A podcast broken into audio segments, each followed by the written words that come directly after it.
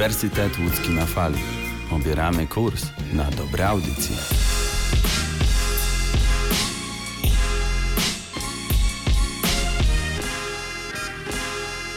Jest niedziela, 22 marca, minęła 17. Przed mikrofonem Eliza Matusiak. Pora i miejsce nietypowe jak na Uniwersytet Łódzki na fali. W tej formie jeszcze się nie słyszeliśmy. Nastał jednak czas, kiedy wszystko jakoś na opak. Im nas mniej na ulicach, tym lepiej, im dalej od innych, tym bardziej o nich i o siebie dbamy. Dźwięk zatem wydaje się być teraz formą doskonałą, żeby być razem. Choć nie wiadomo, jak daleko znajdowałoby się jego źródło, to zawsze trafi wprost do ucha. Chcąc pozostać z Wami w kontakcie, przenosimy na czas tak długi, jak konieczne będzie pozostanie w domach Uniwersytet Łódzki na fali w eter internetowy. Pomysłowość w organizowaniu sobie czasu, kiedy kończą się godziny naszego home office, wydaje się bezkresna, jednak czasem nawet najbardziej otwarte umysły już same nie wiedzą, co ze sobą zrobić. W ciągu najbliższej godziny opowiem Wam o książkach, po które warto sięgnąć w tym, ale także w innym okresie. Godzinę później Przemek Kobierski zanurzy się w świat kina. Oblężenie przeżywają serwisy streamingowe, a on pomoże odnaleźć w ich gąszczu to, co najciekawsze i nada kinu domowemu zupełnie nowy wymiar. Całość przy pomocy pędzla, płótna i farb domknie Sylwia Brożyńska z opowieścią o polskich malarzach. Będziemy do Was wracać także w czwartki z zupełnie innymi głosami i tematami. Niedzielne i czwartkowe popołudnie z UE na fali. Brzmi dobrze? Oby.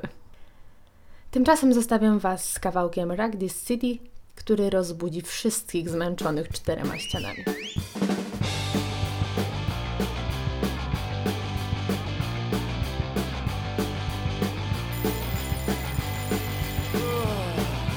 Monday morning, and I'm still in bed. To get up for, cause this place is dead. Tuesday comes, oh, it's all the same.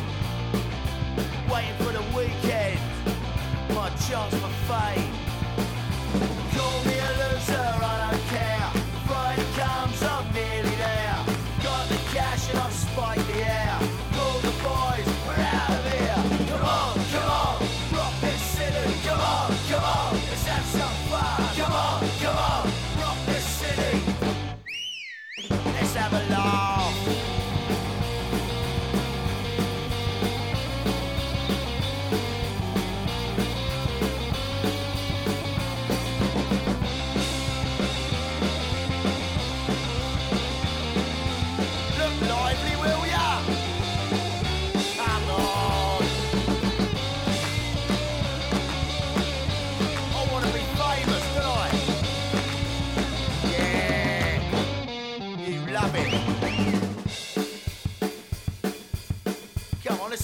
Guitar. Two, three, four.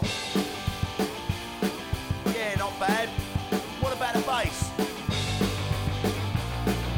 Yeah, that's lovely living for the weekend, cause it's all we've got. All I wanna do is get this place to rock. Call me a loser,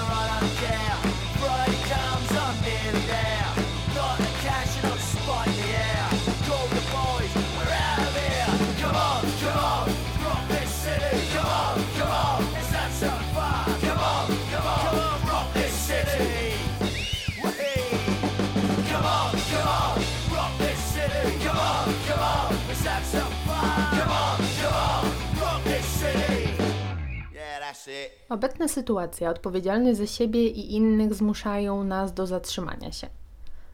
Podróże odłożyłam na bok, świat poczeka. Nie ma wyjścia, ja też muszę. Na moich półkach nie brakuje książek, z którymi warto ruszyć w świat. I to nie tylko dlatego, że zmieszczą się do większości plecaków, ale przede wszystkim dlatego, że to one, kiedy zatapiamy się w fotel i kolejne poduszki, no bo jak tu inaczej spędzać teraz czas, otwierają przed czytelnikiem kolejne przestrzenie i przekraczają zupełnie nowe granice, nie tylko literackie. Książka podróżnicza z podróżą w podróży. To temat, którego chwytam się dzisiaj. Jako pierwszy Ziemowit Szczerek i jego Waja Karpatia. Autor wędruje po Europie Środkowo-Wschodniej w przededniu setnej rocznicy traktatów Trianon i przygląda się Węgrom. W centrum tej opowieści osadza się węgierskie postrzeganie minionej wielkości, wzdychanie do tam i wtedy, do kiedyś. Sam Szczerek o swojej książce mówi, że jest to esej drogi, a czasem esej tkwienia, bo na Węgrzech często jest tak, że tkwi się w miejscu nawet wtedy, gdy się jedzie. To w zasadzie trochę jak my teraz. Bo w głowie jeszcze podróże, a w domu kapcie, komputer, książka, psy, koty i anulowane wakacje. Autor tuła się przez Węgry, przez basen karpacki, przez Transylwanię, Oroszlany, drogi zawierzone Turulom, lasy i góry. Szuka węgierskiego ducha wśród ludzi, których spotyka. Zapisuje to, co widzi, co słyszy, co podsłucha, co Węgrzy powiedzą wprost i co przemycą między wierszami. Szczerek wykazuje się nie tylko dociekliwością, ale także ogromną wiedzą o społeczno-politycznych problemach Węgrów. Punktuje Orbana w perspektywie tu i teraz, ale także w historycznym rozumieniu, dlaczego na Węgrzech jest właśnie tak, jak jest. Odwiedza Felczut, miejscowość, w której stoi dom przywódcy Fideszu. Stamtąd zabiera czytelnika we wspólną drogę przez węgierskie drogi i dróżki, które są tylko pretekstem do przemierzania Węgier w przestrzeni i w czasie. I wbrew pozorom nie jest to tylko pozycja dla osób, które coś o Węgrzech wiedzą. Wręcz przeciwnie, Szczerek ze swoją wiedzą, z umiejętnościami opowiadania, tak naprawdę maluje te Węgry nie tylko w kontekście swojej książki, ale też w naszej wyobraźni, w takiej konkretnej wiedzy na temat tego, co na Węgrzech się dzieje i dlaczego dzieje się tak, a nie inaczej. Dlatego warto po tę książkę sięgnąć, także jeśli o Węgrzech wiemy tylko tyle, że są. Szczerek zdaje się w każdą podróż zabierać ze sobą lustro, zwierciadło, w którym czytelnik może się przejrzeć, może poszukać odbić własnego świata. Rysy na szklanej tafli nie odrzucają. Zachęca także humor autora, który wędruje i na trzeźwo, i niekoniecznie. Ale niezależnie jednak od składu wydychanego powietrza, opowieść przepełniona jest ironicznym, czasem zgryźliwym humorem, który bez wątpienia niejednego zachęcił do napicia się ze szczerkiem. I też dzięki temu ta książka jest właśnie taka – dobra, przystępna, wciągająca, z humorem, ale też jakoś skłaniająca do refleksji, do zastanowienia się nad tym, czy dużo mamy wspólnego z Węgrami, czy nasza sytuacja zmierza być może w kierunku węgierskiej, czy może jesteśmy po drugiej stronie. I chociaż w tej książce sporo jest alkoholu, ja jednak nie będę zachęcała Was do picia, chociaż w zasadzie czemu nie? Zachęcam Was jednak w pełni do spotkania ze Szczerkiem i z jego literaturą, aktualnie głównie z literaturą. Tymczasem chwila z muzyką i kolejne literackie propozycje.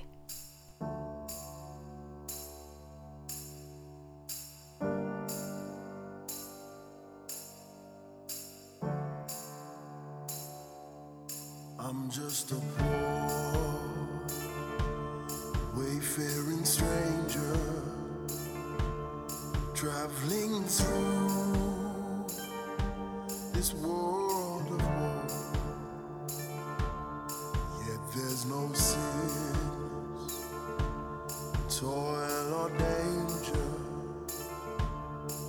in that bright land to which I I'm going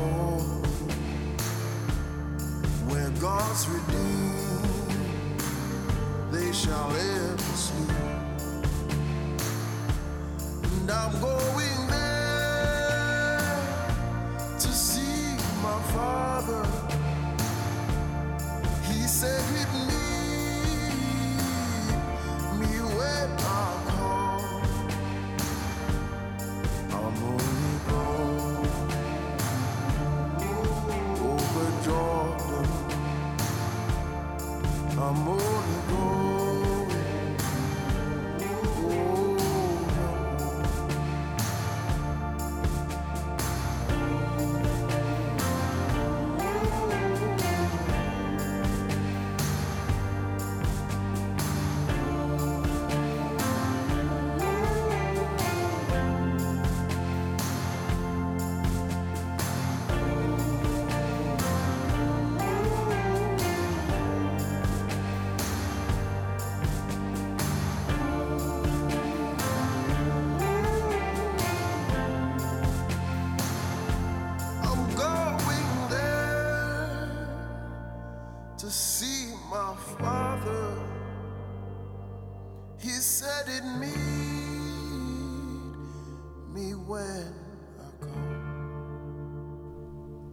grono autorów, do których wracam. Obserwuję ich w internecie, wertuję wywiady w poszukiwaniu zapowiedzi tego, co nadchodzi. Co nowe, co szeleszczące i pachnące. I tak, książki to jeden z tych produktów, które trudno byłoby mi kupować wyłącznie w cyfrowej postaci. I chociaż wiem, że składanie kolejnego zamówienia jest cholernie nieekologiczne, to jednak cóż, nie potrafię się powstrzymać. Osobą, której pisarstwo skłania mnie do wybrania się do księgarni albo do kliknięcia kup teraz, jest zawsze Tomek Michniewicz. Reportażysta, podróżnik, fotograf. Organizuje ekspedycje i skłania do świadomego podróżowania bez wolonturystyki, bez wyzysku. Tłumaczy też, że nie ma podróży bez kosztów, które teraz są takie modne, o których tak głośno w social media. No bo przecież możemy podróżować bez pieniędzy, możemy podróżować bez ponoszenia kosztów. Na pewno koszt jest zawsze po stronie naszej albo gospodarzy, albo po stronie planety, albo wszystkich razem. Nie ma książki Michniewicza, o której mogłabym powiedzieć, że nie polecam. Są jednak takie dwie, które są warte szczególnej uwagi i bardzo uważnego, skupionego czytania. Jedną z nich jest Świat równoległy, którego otwarcie autor pisze: Jeśli coś przywożę ostatnio z podróży, to wątpliwości. Zwraca uwagę, że jeszcze jakiś czas temu jego notatki nie stroniły od twardych stwierdzeń, kategorycznych podziałów czy znawstwa. Określał, gdzie jest niebezpiecznie, a gdzie pięknie, gdzie bieda i rasizm, a gdzie nic ciekawego i nie warto się tam wybrać. Z czasem jednak e, Michniewicz zastępował wykrzykniki kropkami. Kropki wraz z nabieraniem doświadczenia ustąpiły znakom zapytania. I to wartość, która czyni książki Michniewicza tak ważnymi. Próżno szukać moralizatorstwa czy pełnego przekonania, który ze światów to ten prawdziwy, no bo przecież wydawać by się mogło, że Michniewicz zwiedził już tyle krajów, już kilkadziesiąt ma ich na swoim koncie, że powinien coś wiedzieć. Wie, oczywiście, wiedzy nie można mu odmówić, ale on odmawia sobie wszechwiedzy. To jest ogromna korzyść dla czytelnika, który zderza się nie z moralizatorskim tonem i z tonem człowieka, który przyszedł tutaj powiedzieć, co wie, a ty czytelniku chłoń i nie zadawaj pytań, tylko z człowiekiem, który skłania do zastanowienia, który sam cały czas się zastanawia. Świat równoległy to zapis ośmiu reportaży. Pakistan, Polska scalona z Irakiem i Afganistanem, Kalifornia, RPA, Egipt, Malediwy, Tajlandia, Słowenia, Indie, Zimbabwe. Świat z pocztówki, z medialnego wyobrażenia, z hashtagów Instagrama. I jego równoległa, różnorodna wersja szukająca prawdy zamiast lajków. Autor u otwarcia opowieści zderza czytelnika ze stereotypem, który jak niechlubne echo co jakiś czas powraca. Bo kto nie słyszał, że muzułmanie to terroryści? Stereotyp. Wyjątkowo paskudny, krzywdzący i obrzydliwy, ale wygodny. Bo daje odpowiedź, wskazuje winnego, kolory rzeczywistości ogranicza do czerni i bieli, czarny, biały, terroryści, ofiary, onimy. Wygodne, praktyczne do zastosowania w każdej sytuacji, która tego wymaga. Ale jednocześnie, jak wyjaśnia Michniewicz, 80% ofiar wszystkich zamachów terrorystycznych to wyznawcy islamu. I co? Kłuje w ten stereotyp? Michniewicz zabiera czytelnika do podnóża Nanga Parbat, gdzie rozmawia z Pakistańczykami próbującymi normalnie żyć w cieniu gór, ale także w cieniu terroru, w cieniu tego stereotypu, który nierzadko jest stosowany przez bardzo, bardzo wiele osób, które oczywiście bardzo chętnie udzielają się w mediach i mają tam jak najwięcej do powiedzenia. Kolejnym przystankiem w świecie równoległym Michniewicza jest rzeczywistość polskich żołnierzy sił specjalnych, światowej elity, dla której emerytura nierzadko oznacza wyrzucenie na śmietnik. I kto by pomyślał o polskich żołnierzach w ten sposób? Przecież kiedy otworzymy jakąkolwiek gazetę, włączymy jakikolwiek kanał telewizyjny, czy posłuchamy sobie radia i akurat natrafimy na temat, który dotyczy polskich sił specjalnych, no to pełna duma, pełen podziw. A później co? Emerytura i do kosza. O jednym z bohaterów reportażu, strażaku, pisze tak. Gdy odszedł z jednostki na emeryturę, miał 41 lat, a zdrowie w strzępach. Dalej Michniewicz dodaje pożegnanie z honorami. I nic. Koniec. Nikt nie sprawdza, jak strażak sobie radzi. Czy w ogóle sobie radzi. Czytając Świat Równoległy robi się bardzo niewygodnie. Jakoś trudno znaleźć sobie miejsce, trochę kłuje w brzuchu, trochę zaczynają pocić się ręce, czasami, czasami trzeba tę książkę odłożyć, no bo przecież nie powinno tak być. No ale jednak jest. I dlatego tej książki mimo wszystko odkładać się nie powinno. E, nie sposób też opowiedzieć o każdym z reportaży tworzących świat równoległy.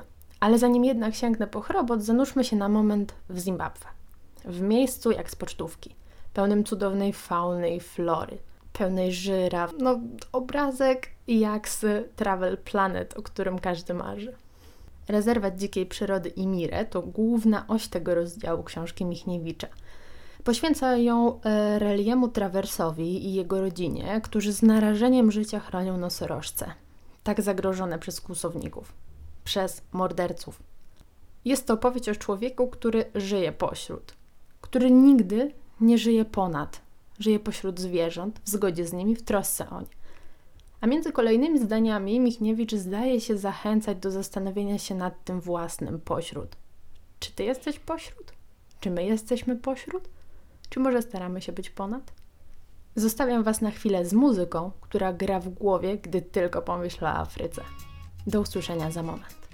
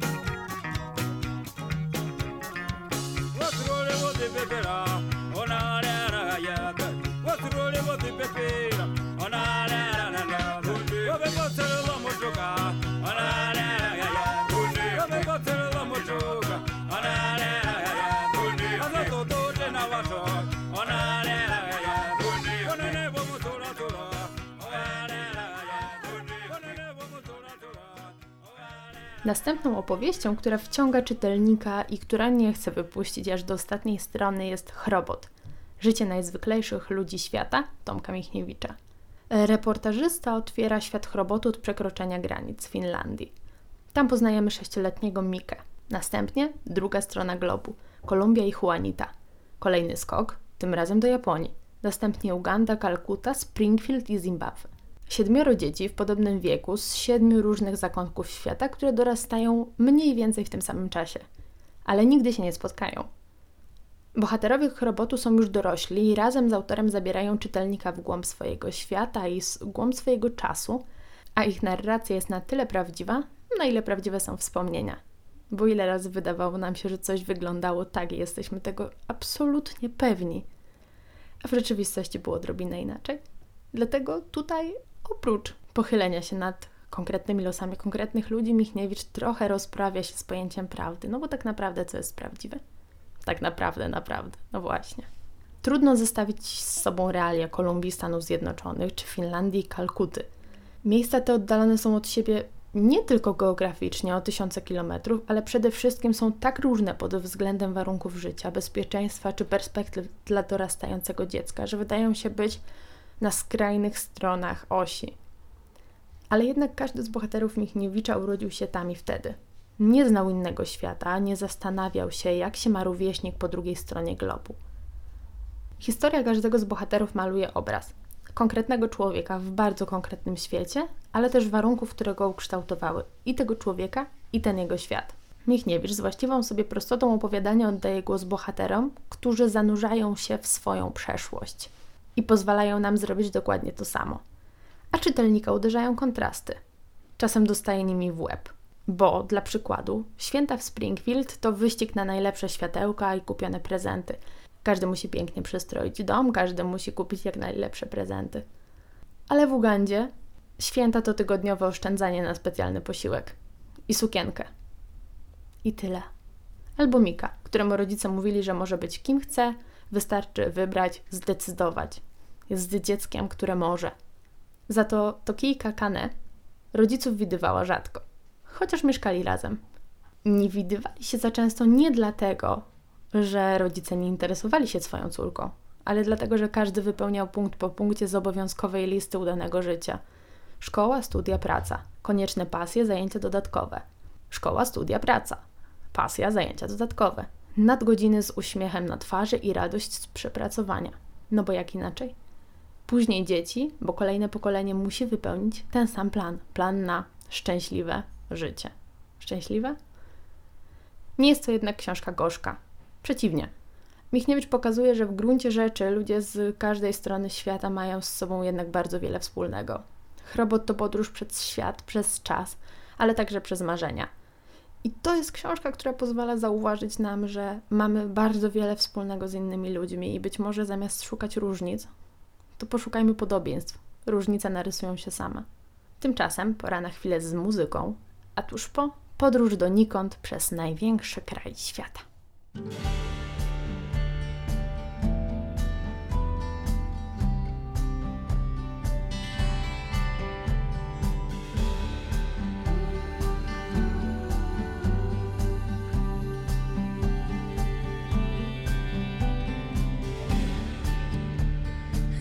Midnight summer light, angels flying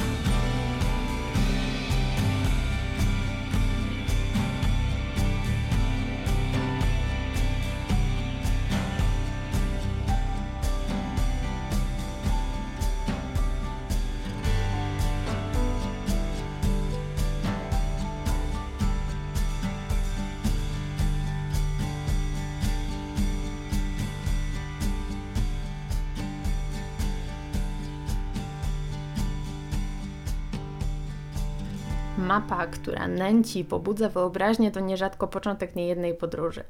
Michał Milczarek, autor donikąd podróży na skraj Rosji, używał mapy jako okna, przez które wyglądał na świat. Patrzył na mapę, wyobrażał sobie, gdzie mógłby się udać, patrzył przez okno i widział, jak zmierza w wybranym przez siebie kierunku. Rysował linie szlaków wymarzonych i szlaków niemożliwych, szlaków od i do, od chłopca do świata, do przejścia. W końcu po latach, nauczony map niemal na pamięć, Milczarek wyruszył w drogę. Donikąd. Donikąd to opowieść o wyprawach na koniec świata. Na Kamczatkę, Kołymę, do Workuty, Norylska. Niemal obsesyjnie odwiedzał miejsca, których fotografie mogłyby znaleźć się w słowniku języka polskiego tuż obok słowa nicość. Milczarek poszukiwał kresu zapamiętanej z dzieciństwa mapy, kresu swojej rzeczywistości. Im dalej, tym lepiej. Im więcej nicości, tym lepiej. Czy nicość w ogóle może być większa, może się rozszerzać, może jej przybywać? Odpowiedzi na to pytanie wydawał się poszukiwać autor donikąd. Książka ta na pewno nie jest pozycją dla fanów wartkiej akcji czy dla fanów podróży, która co krok stawia przed włóczykijem nowe wyzwanie, nowego człowieka, nowy zapierający dech. Absolutnie nie. Na jednej ze stron donikąd autor umieścił mapę z atlasu geograficznego dla klas 6-8. Czerwonym długopisem wytyczył drogę do nicości. I tam też zmierza. I o czym jest ta książka? O niczym. Ale paradoksalnie to nie jest jej wada albo brak. Donikąd to poszukiwanie granic mapy i ludzi, którzy wybrali życie na jej skraju albo zostali w nie wtłoczeni, nie pytani o chęć czy o plan. Można Milczarkowi zarzucić, że momentami nader filozofuje, że trochę przegaduje tę swoją historię.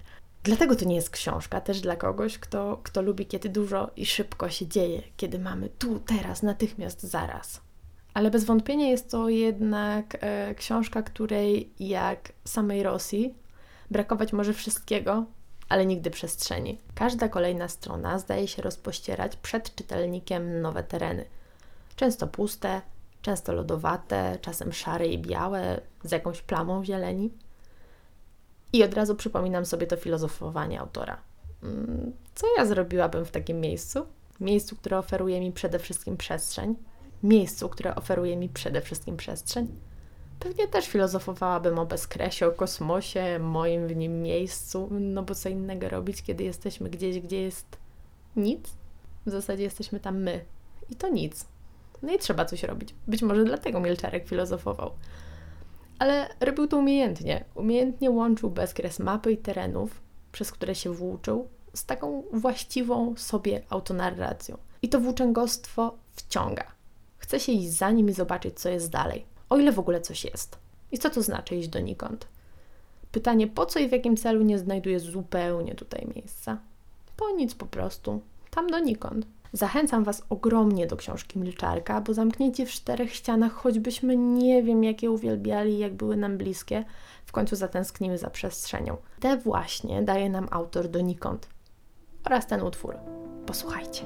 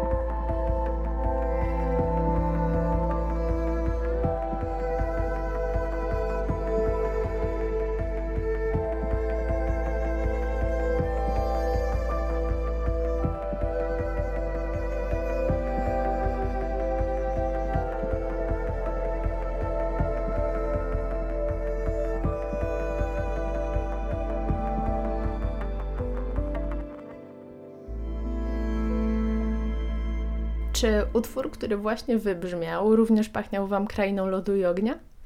Kiedy słyszę Islandia, moje źrenice się rozszerzają w ułamku sekundy, serce przyspiesza, widzę gejzery, bezkresne przestrzenie, krystaliczną wodę, niebo, które pachnie świeżością i słyszę Maskonura. Słyszę wyobraźni, nigdy nie słyszałam Maskonura na żywo, ale od czego mamy umysł?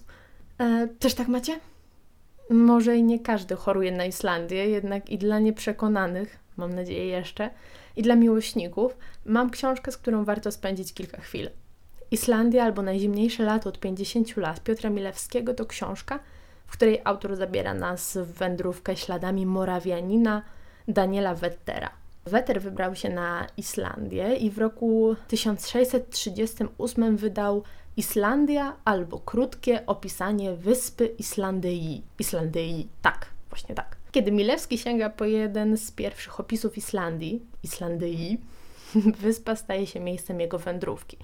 400 lat później, śladami Morawianina właśnie, podąża autor najzimniejszego lata od 50 lat. Jest to książka, w której słowo stara się oddać Islandię przez swą zmienność, przez dynamizm, ale jednocześnie przez taką pewną stałość, twardy grunt, na którym natura wychodzi przed szereg. Jest pierwsza, ty człowieku jesteś od niej mniejszy, jesteś od niej słabszy, ale jesteś też jej częścią, więc musisz się dostosować, ale ona w zamian za to da ci od siebie bardzo wiele. Milewski zmierza się z potęgą przyrody. Jest smagany wiatrem i deszczem. Marznie każdego dnia. E, Dzień polarny unicestwia jego dobowy rytm, granica między światłem a mrokiem zanika i jak sam pisze, w jasności dnionocy, a może noco-dnia trochę się gubi. Milewski odczuwa strach, ale i podziw, bo odkrywanie kolejnych fragmentów wyspy przynosi zupełnie nowe wyzwania i doznania. Milewski pisze tak, że kiedy marznie, czytelnik pragnie skryć się przed kolejnym podmuchem wiatru. Wydaje się otwierać nie tylko wyobraźnię na kolejne obrazy, ale otwierać całe ciało, wszystkie zmysły. Wydają się czuć Islandię, kiedy on o niej pisze. Trochę pojawia się gęsia skórka, trochę trzęsą się ręce z zimna, trochę rozszerzają się źrenice, żeby zobaczyć wszystko to, co Islandia może nam zaoferować dla wzroku. Wydaje się, że słyszymy ten wiatr, być może gdzieś tam słyszymy jakieś zwierzęta Islandii. Wszystko to wydaje się być dostępne dzięki temu, w jaki sposób Milewski o Islandii pisze. I być może jest to moja obsesja na punkcie tej wyspy, taka obsesja totalna, ale być może jest to po prostu dobrze napisana książka. Zostawiam Was na chwilę z wyobrażeniem bezmiaru piękna Islandii i cudnym głosem w utworze Icicles.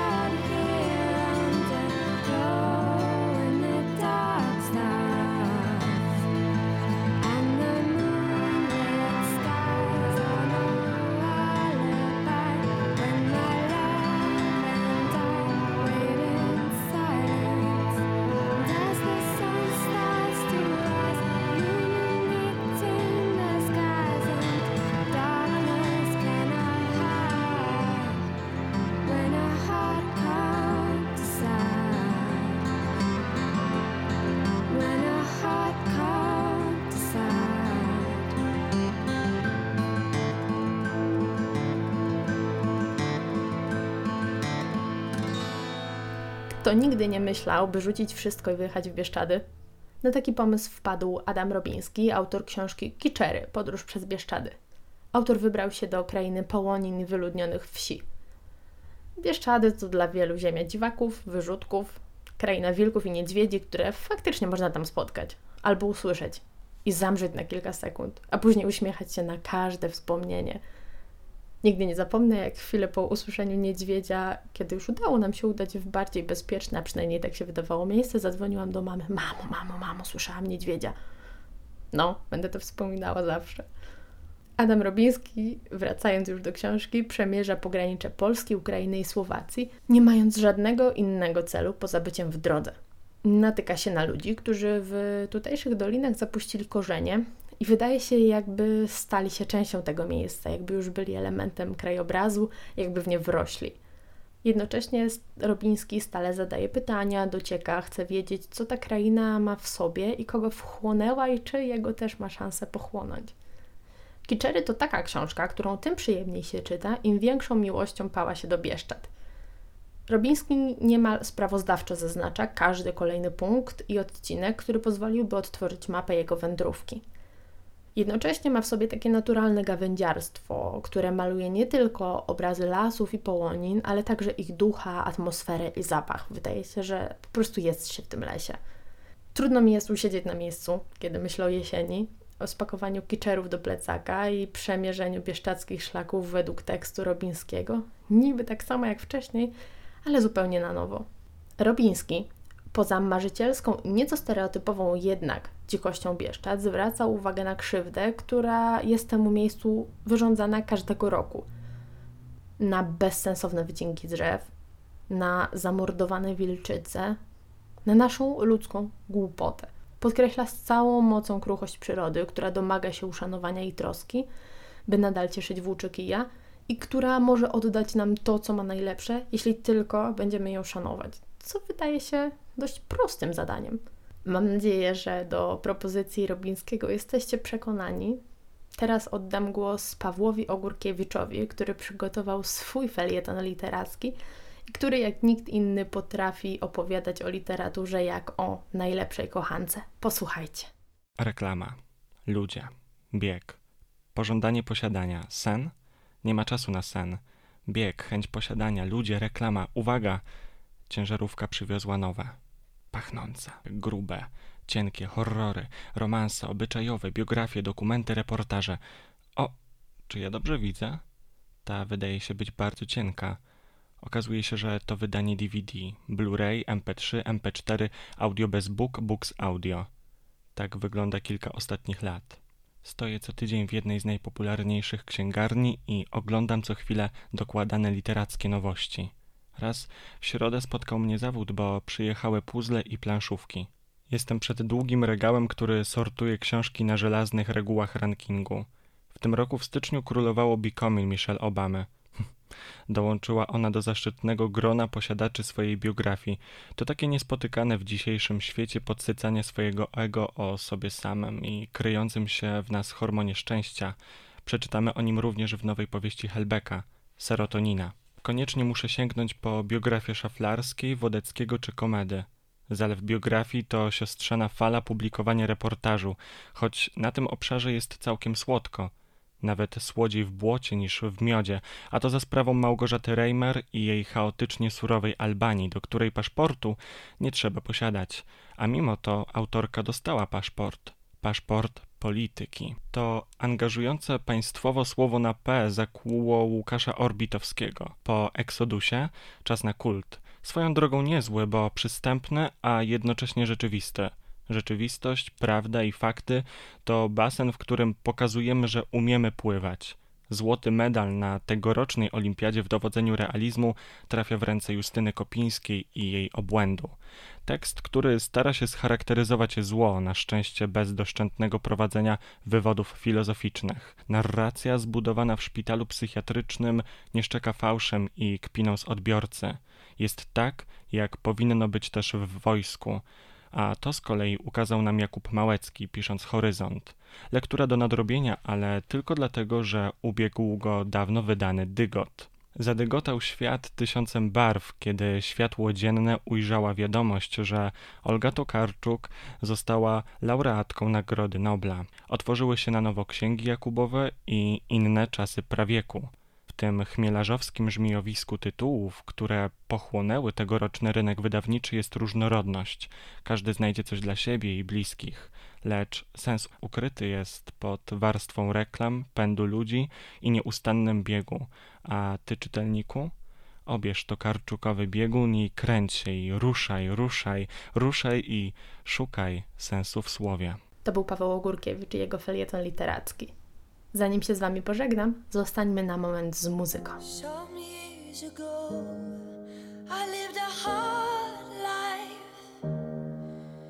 But sunlight burst a ray through those clouds. We finally seen the back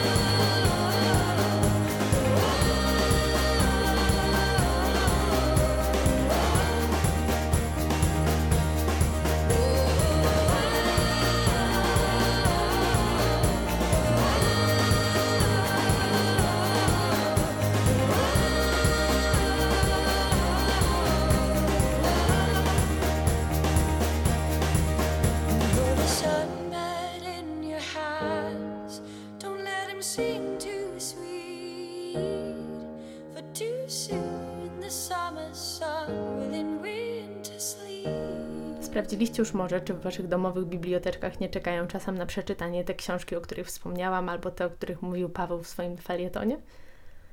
A może otoczyliście się innymi, które zabierają Was w podróż dookoła świata bez opuszczania fotela? Mam ogromną nadzieję, że tak. Zaglądajcie na Facebooka Uniwersytetu Łódzkiego na fali i dajcie znać. Na dzisiaj ode mnie to już wszystko. Zostańcie jednak z nami, bo już za moment Przemek Kobierski pomoże wybrać Wam film na wieczór i otworzy przed Wami swoje kino domowe. Pomoże wybrać też film na rano. Albo na cały dzień. Mówiła do Was Aliza Matusiak. Do usłyszenia.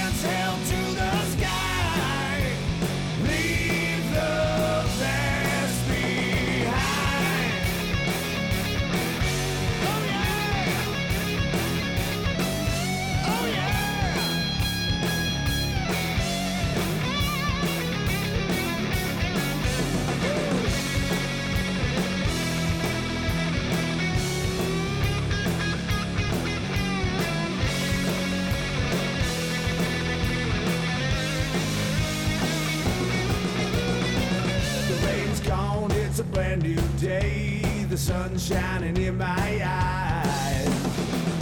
I can see no clouds in my way, my hands held to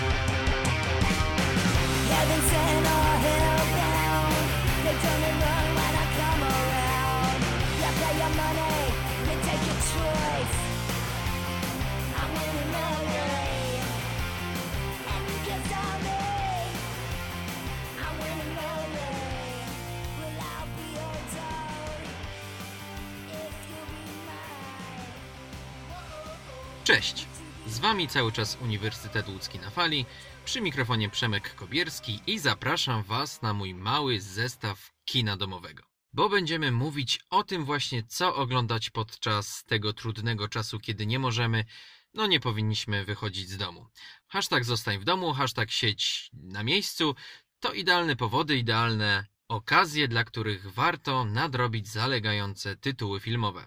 A mamy do tego możliwości. Istnieją platformy, które pomagają nam legalnie, będąc w domu, leżąc pod kocem, poczuć się jak w kinie.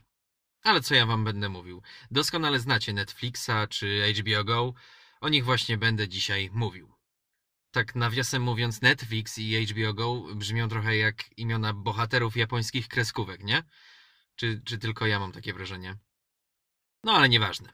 Dzięki tym bohaterom możemy oglądać prawie wszystkie filmy, jakie chcemy.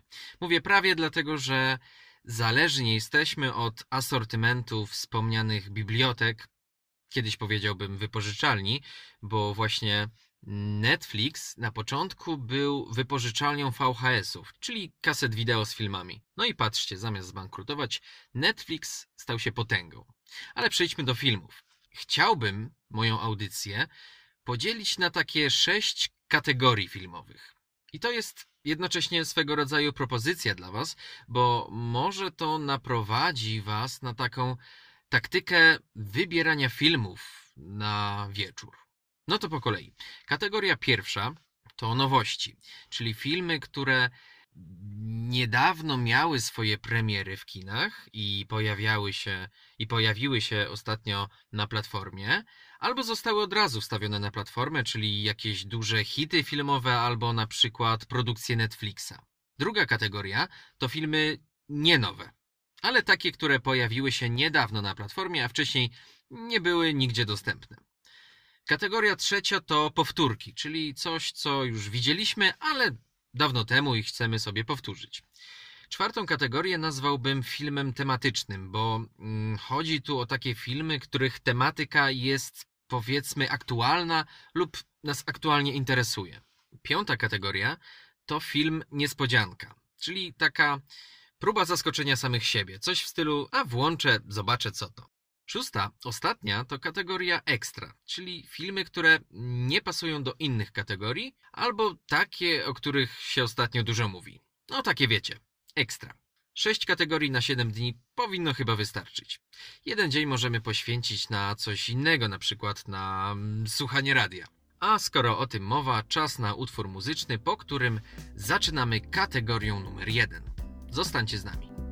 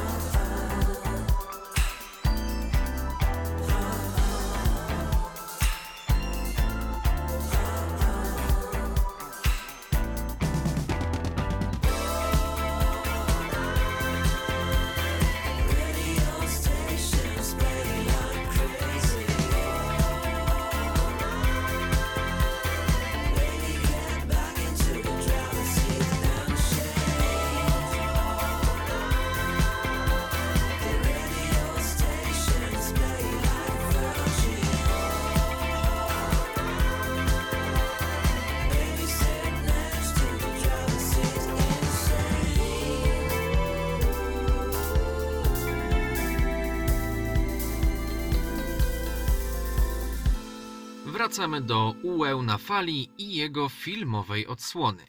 Jeśli chodzi o nowości na platformach streamingowych typu Netflix i HBO Go, to moim zdaniem lepiej wypada tutaj HBO Go. Filmy, które pojawiają się tutaj po kinowej premierze, to prawdziwe hity. Albo ja mam tylko takie wrażenie. No ale wydaje mi się, że te hity są świeże przynajmniej. Kilka razy zdarzyło mi się wejść na HBO Go i powiedzieć: Wow, to dopiero było w kinach. Może to dlatego, że HBO od zawsze było kanałem telewizyjnym właśnie tego typu. Właśnie od takich popremierowych hitów. Ale powiem wam coś, ale powiem wam coś teraz i uwaga, bo to będzie ważne. To, że HBO Go dodaje lepsze nowości, świeższe hity, jest chyba jedyną rzeczą, w której jest lepszy od Netflixa. Naprawdę. Netflix ma obszerniejszą bibliotekę. Jest bardziej dopracowany technicznie, bardziej intuicyjny. No i wcześniej zaczął, więc jest ogólnie do przodu. Ale to nie znaczy, że HBO Go jest przeze mnie negowany, wręcz przeciwnie. Wspieram obie marki. Dobrze, że istnieją i się dopełniają, a o różnicach jeszcze, jeszcze powiem. Wracamy do nowości, do naszej pierwszej kategorii. Bardzo dużo nowych filmów w bibliotece HBO Go, na których nie zdołałem być w kinie, to filmy animowane. Filmy dla młodszej widowni. Taki Aladdin, Król Lew czy Toy Story 4 trafiły tutaj wyjątkowo szybko po premierze na srebrnym ekranie. No i właśnie filmem nowym, który oglądałem ostatnio, było Toy Story 4. Film wcale nie taki dziecinny, prawie że dla każdego. No bo kto z was nie oglądał którejś z poprzednich części? Ręka w górę. Nie widzę. No właśnie. No ale tak serio to przytoczmy trochę fabuły sprzed czwórki dla osób, które może faktycznie nie widziały nigdy filmu z serii Toy Story. Są sobie zabawki, które jak nikt nie patrzy, to ożywają i robią sobie co chcą. W pierwszej części pojawia się nowa zabawka i jest problem. W drugiej części jedna zabawka znika i jest problem. W trzeciej części wszystkie zabawki przypadkiem trafiają do przedszkola. I jest problem. Oczywiście okropnie to upraszczam i możecie uznać, że nie przepadam za tą serią, ale jest zupełnie odwrotnie. Bo pamiętam, że jako dziecko właśnie przy Toy Story pierwszy raz się wzruszyłem. Pojawiły się łzy w oczach ze wzruszenia. I tak było z każdą kolejną częścią. Jak było z Toy Story 4, fabuła kręci się przede wszystkim wokół chudego, czyli takiego sympatycznego kowboja. Można powiedzieć, że jest on głównym bohaterem każdej części, ale w czwórce jest to bardzo wyraźne. Jakby reszta zabawek nie miała dla nikogo znaczenia. No ale początkowo fabularnie jest odwrotnie, bo to właśnie chudy zwykle zostaje z boku, nie jest wybierany do zabawy przez dziecko, no i jest mu trochę smutno. Ale chudy nie traci ducha. Zależy mu na szczęściu dziecka, nawet kiedy to dziecko tworzy sobie zabawkę dosłownie ze śmieci i kocha ją bardziej niż cokolwiek innego. Chudy ląduje na pozycji niższej niż śmieci. Wyobrażacie sobie to upokorzenie? A co robi chudy? Dalej jest lojalny, pomaga najlepiej jak umie, a w końcu pojawia się postać, która była w jedynce i dwójce i najwidoczniej wszyscy, łącznie z twórcami, zapomnieli o niej kompletnie w części trzeciej. Moja opinia jest taka, że Toy Story 4 to dobre wykonanie słabego pomysłu na fabułę. Sporo elementów jest naciąganych, nie wszystkie kupuję i co najważniejsze, Toy Story 4 cierpi na taki syndrom przyspieszonego sequela. Nie wiem, czy zauważyliście, ale niektóre kontynuacje dobrych filmów animowanych są słabe, bo są zbyt dynamiczne. Porównajcie sobie na przykład taką spokojną epokę lodowcową 1, gdzie było miejsce na rozmowę, na przemyślenia, a potem weszła dwójka, trójka, czwórka, piątka, w których nie ma czasu na myślenie, bo liczy się akcja. To samo było też z Gdzie jest Dory na przykład. I podobnie jest z Toy Story 4. Tylko, że tutaj bardzo dobrze się to ogląda. Pod względem technicznym to jest popis umiejętności grafików, te światłocienie i tak dalej. No i trzeba też zwrócić uwagę na dubbing. Pluszowy zając i kaczka, którym głos podkładają Wojtek Tremiszewski i Abelard Giza, to jak porzeczka na torcie. Tak, porzeczka. Nie wiśnia, bo jest ich tak mało na ekranie, że po prostu nie wybrzmiewają. Także prośba do Pixara, zwolnijcie troszeczkę przy następnej części, chociaż nie wiem, czy będzie Toy Story 5 po takiej końcówce. Bez spoilerów mogę powiedzieć tylko, że z jednej strony to nie miało sensu, a z drugiej było wzruszenie po raz czwarty. Więcej nie powiem. Zobaczcie sami. A ja nie przedłużam i po przerwie wracam z drugą kategorią.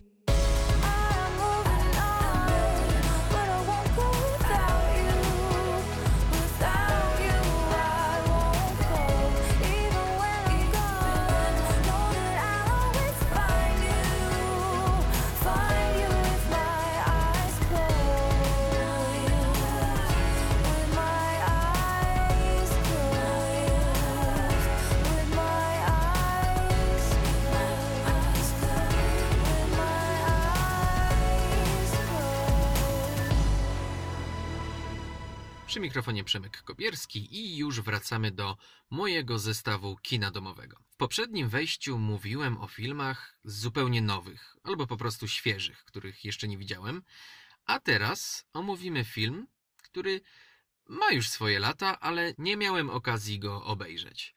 Czyli kategoria nie nowości, tak ją sobie na razie nazwijmy. Może was zawiodę, a może was nie zawiodę, jak powiem, że zostajemy w filmach animowanych ale nie byle jakich filmach animowanych. Czy wiecie, co to jest Studio Ghibli? Pewnie sporo z Was wie. Dla tych, którzy nie wiedzą, Studio Ghibli to jest taki japoński Disney. I bardzo dużo fanów pewnie teraz obraziłem. Z tym, że Ghibli tworzy anime, czyli takie dojrzalsze, no dla uproszczenia powiedzmy bajki.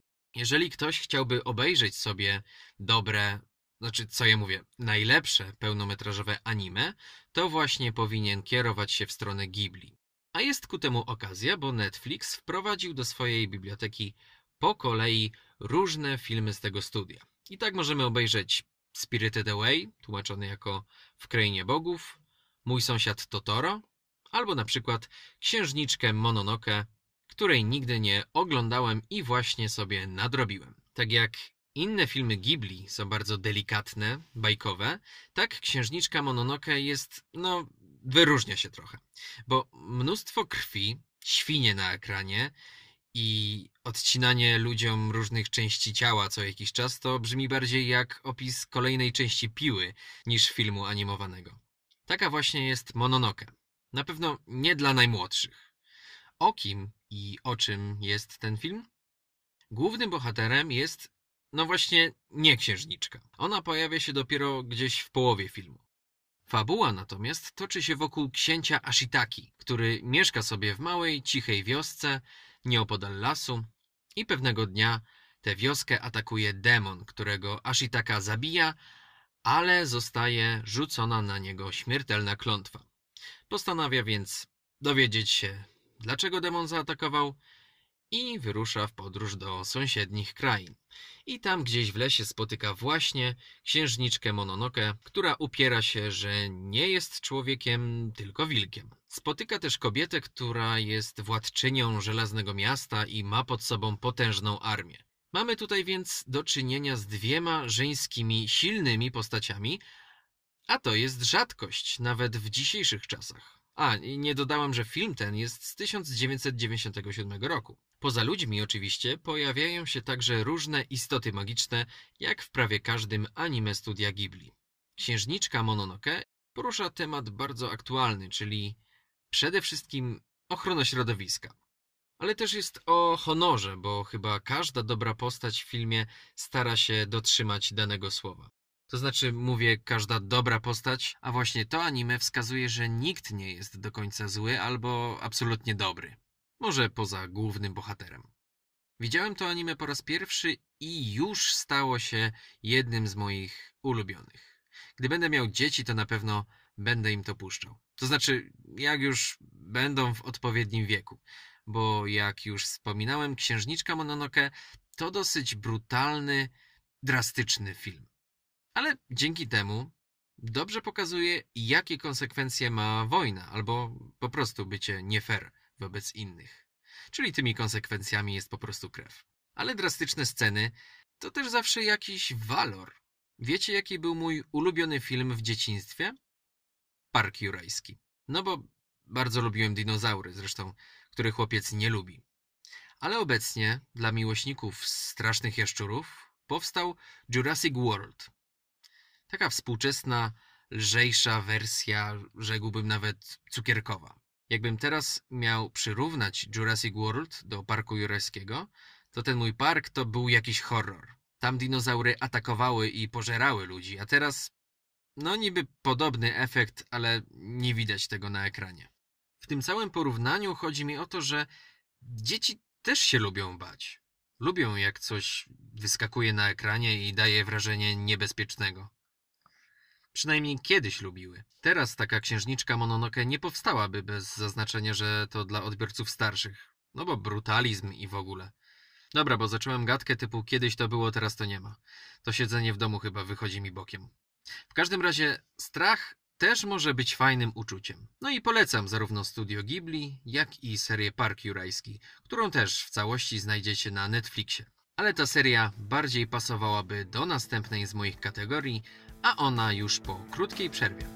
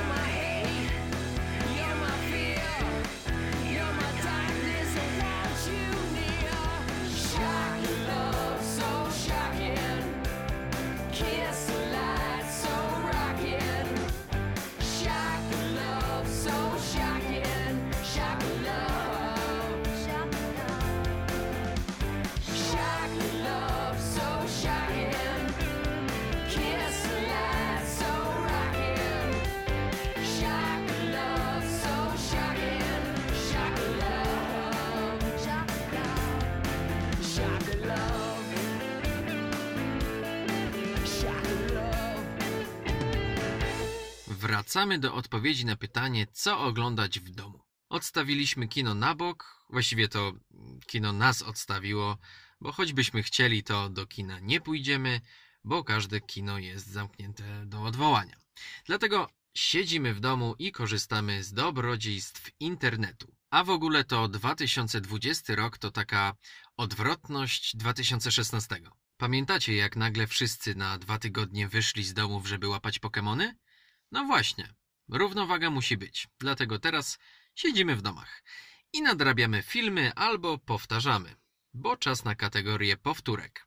Chociaż równie dobrze można nazwać ją kategorią drugiej szansy, dlatego że postanowiłem obejrzeć sobie film, który mi się bardzo nie podobał za pierwszym razem. To był film z 2013 roku, film, którego akcja dzieje się w przestrzeni kosmicznej, film, który dostał 7 statuetek Oscara. Już wiecie, co to było? Tak, chodzi o grawitację. Drugą szansę dałem grawitacji.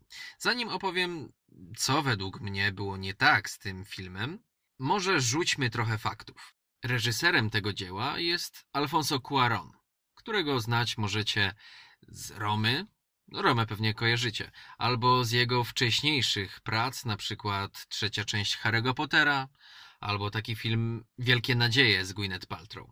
W obsadzie grawitacji właściwie występują dwie osoby: Sandra Bullock i George Clooney. No bo jak wszystkim nam wiadomo, w kosmosie astronauci nie pracują w liczbie kilkadziesiąt osób naraz, tylko w kilkuosobowych ekipach. I właśnie z taką ekipą mamy do czynienia w grawitacji. Akcja filmu zaczyna się od rutynowej pracy przy naprawianiu uszkodzonego modułu stacji kosmicznej czy satelity. No w każdym razie jakiegoś kosmicznego ustrojstwa. W zespole są m.in. dr Ryan Stone, grana przez Bullock, oraz Matt Kowalski, albo Kowalski. Nazwisko ewidentnie nasze, zatem polski znak się pojawił. I tę postać gra nie jakiś tam polski zawierucha, którego oczywiście lubimy i życzymy jak największych sukcesów, ale Kowalskiego gra nie kto inny jak George Clooney. No i tę ekipę astronautów spotyka nieszczęście postaci śmieci kosmicznych. No, inaczej tego nie nazwę. Z ogromną prędkością nadlatują odłamki innej satelity i dochodzi do katastrofy. Statek kosmiczny, którym podróżują nasi bohaterowie, nie no, to brzmi jak jakieś gwiezdne wojny. E, pojazd, którym przybyli, zostaje uszkodzony. I to jest mało powiedziane. No, straszne rzeczy tam się dzieją. I doktor Ryan, czyli Sandra Bullock, zostaje sama i musi sobie poradzić. Reszty nie wyjawię. Zatem, co było nie tak za pierwszym razem z grawitacją? Dlaczego potrzebował drugiej szansy?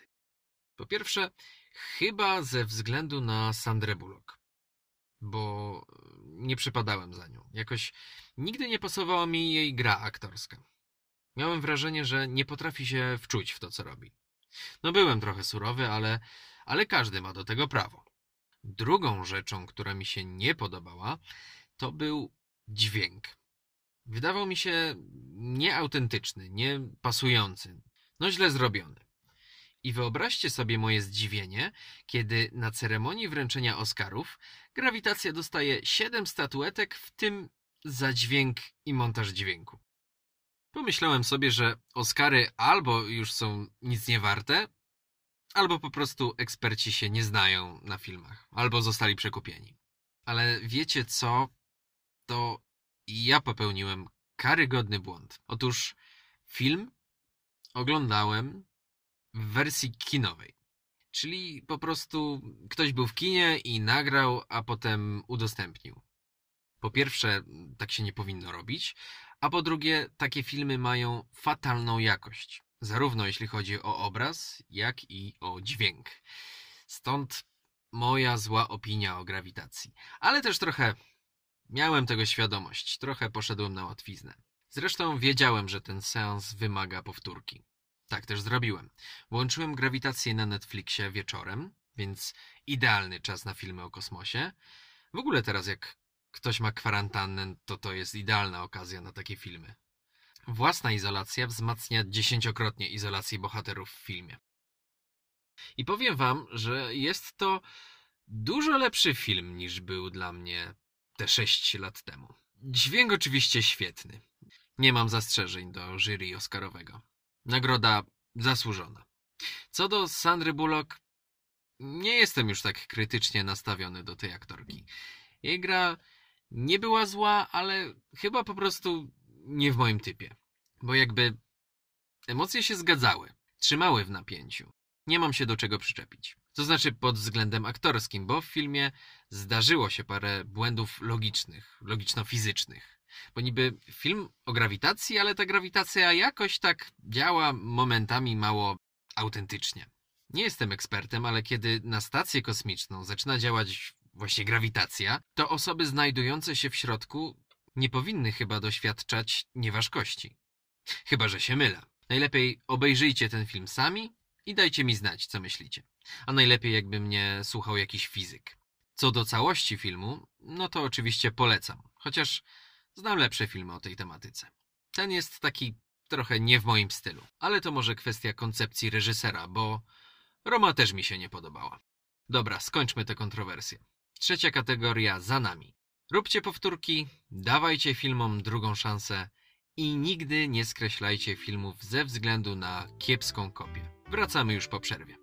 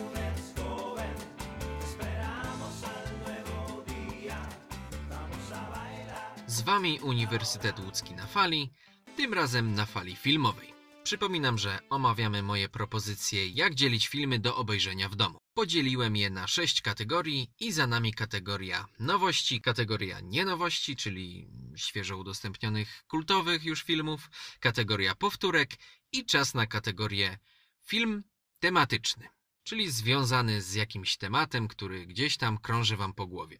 Na przykład może to być nie wiem, rybołówstwo, gry karciane, położnictwo, nie wiem, film węgierski. No, co przyjdzie wam do głowy. W tej kategorii chodzi tak naprawdę o to, żeby przy jednej okazji obejrzeć kilka filmów. Już wyjaśniam na swoim przykładzie, żebyście zrozumieli. Pandemia COVID-19 dotknęła już bardzo wiele osób. Głównie szarych obywateli miast i wsi. Ale chorują także znane osoby. Ze względu na to najpopularniejszym aktorem ostatnich dni stał się Tom Hanks. Bo niestety on i jego żona zarazili się tym wirusem i odbywają kwarantannę. Czują się dobrze na szczęście i, i życzymy im zdrowia oczywiście, ale przy okazji bardzo popularne stały się filmy z udziałem Hanksa. Na Netflixie jest chyba dziewięć filmów, w których gra ten aktor i nie wiedzieć czemu najczęściej oglądanym, albo po prostu Netflix mi go najbardziej poleca, jest film Terminal. Chyba wiem, dlaczego akurat ten film może mieć taką popularność, bo Terminal, jak sama nazwa wskazuje, opowiada o mężczyźnie, który utknął, właściwie zamieszkał na nowojorskim lotnisku. Całkiem aktualny temat w dobie kryzysu lotniczego i komunikacyjnego w ogóle. Brzmi to wszystko może strasznie, ale Terminal to komedia. Wręcz komedia polityczna, jak twierdzi Netflix. Jak dochodzi do tego, że ktoś zamieszkuje na lotnisku? Tom Hanks gra obcokrajowca.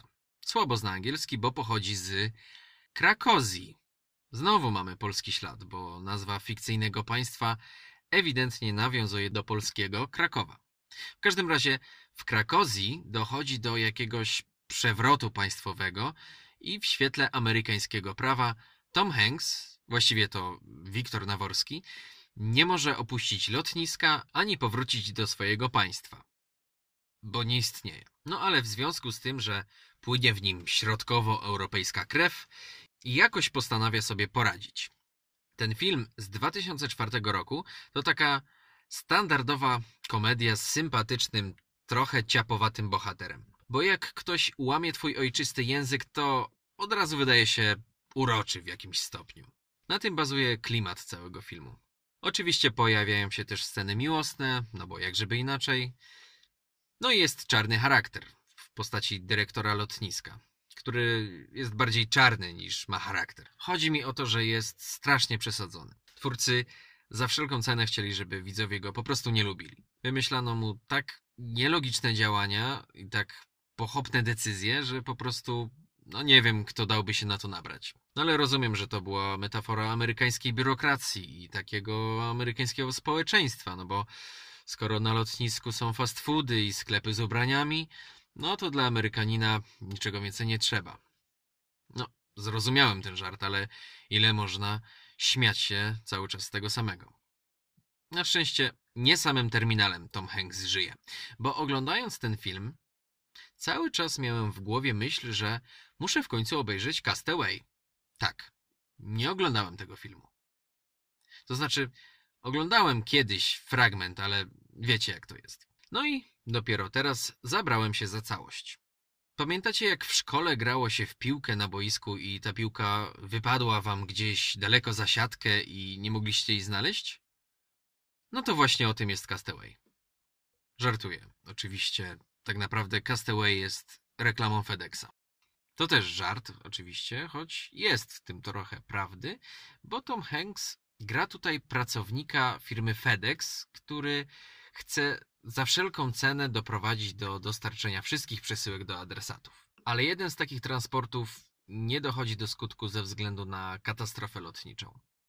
No i to na pewno od razu mówię, nie jest film dla osób, które boją się latać. A, no i zapomniałem powiedzieć, że na pokładzie samolotu, który się rozbija, jest właśnie Tom Hanks, który trafia na bezludną wyspę i musi jakoś sobie poradzić. Czyli mamy dwa filmy: Terminal i Castaway, w których Tom Hanks musi sobie poradzić, będąc w miejscu, którego nie może opuścić. No i jeszcze te miejsca związane są z samolotami. Także widzimy schemat, który zresztą pasuje do sytuacji w Polsce i na świecie. Jeśli chodzi o moją ocenę Castaway, to dla mnie ten film jest bardzo nierówny. Raz towarzyszymy zorganizowanemu człowiekowi, który ma jasno postawione cele, a za chwilę lądujemy na bezludziu z jakby zupełnie inną postacią, ale nie jesteśmy świadkami żadnej przemiany. Tak jak terminal jest ciągle równy, niezmienny, tak Castaway zmienia się ciągle i ja nie wiem, czy to jest film o życiu, czy o przeżyciu. Poza tym przekaz samego filmu jest tak standardowo moralizatorski. Czyli pamiętaj, co jest w życiu ważne, bo łatwo to stracić. I fajnie, no to prawda, ale mam wrażenie, że ten film niczego nie uczy, bo chyba każda decyzja głównego bohatera od początku do ostatniej sceny jest błędna, nielogiczna. Zatem moim zdaniem film chce nam pokazać, jak nie robić, żeby być szczęśliwym. Cieszmy się tym, co mamy. Nawet jeśli zmuszeni jesteśmy do siedzenia w domu, to pamiętajmy, że może być gorzej.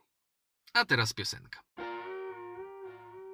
Give me one reason if you got one reason. Said there ain't no reason that we shouldn't get together tonight. Give me one reason if you got one reason. Said there ain't no reason that we shouldn't get together fixing you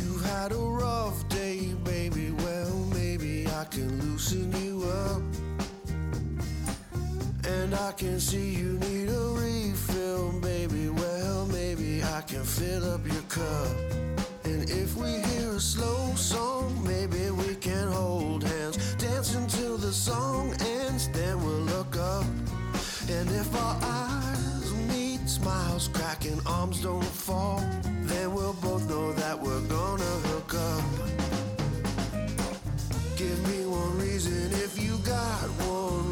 Said there ain't no reason that we shouldn't get together tonight. Give me one reason if you got one reason. Said there ain't no reason that we shouldn't get together tonight. I'm sending you an invitation. Respondez-vous, s'il vous plaît. I'll let you pick the time, day or night. There is no reason to stay home tonight. I know that you're not preoccupied, that you are bored, but you're not tired. Just think you can be here in a wink's time. There is no reason to stay home tonight. Come on by anytime to say hi. Night or day, day or night. I'm always open for you. I'm hoping that you will show. Give me one reason if you got one reason. Said there ain't no reason that we shouldn't get together tonight. Give me one reason if you got one reason. Said there ain't no reason that we shouldn't get together tonight. Well, I can feel that there's a new. Something's telling me from deep down inside.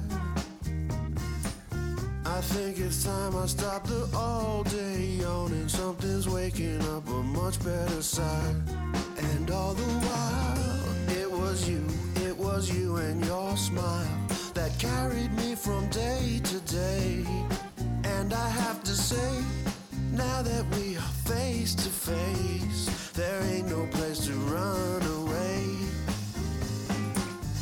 Give me one reason if you got one reason. Said there ain't no reason that we shouldn't get together tonight. Give me one reason if you got one reason. Said there ain't no reason that we shouldn't get together tonight.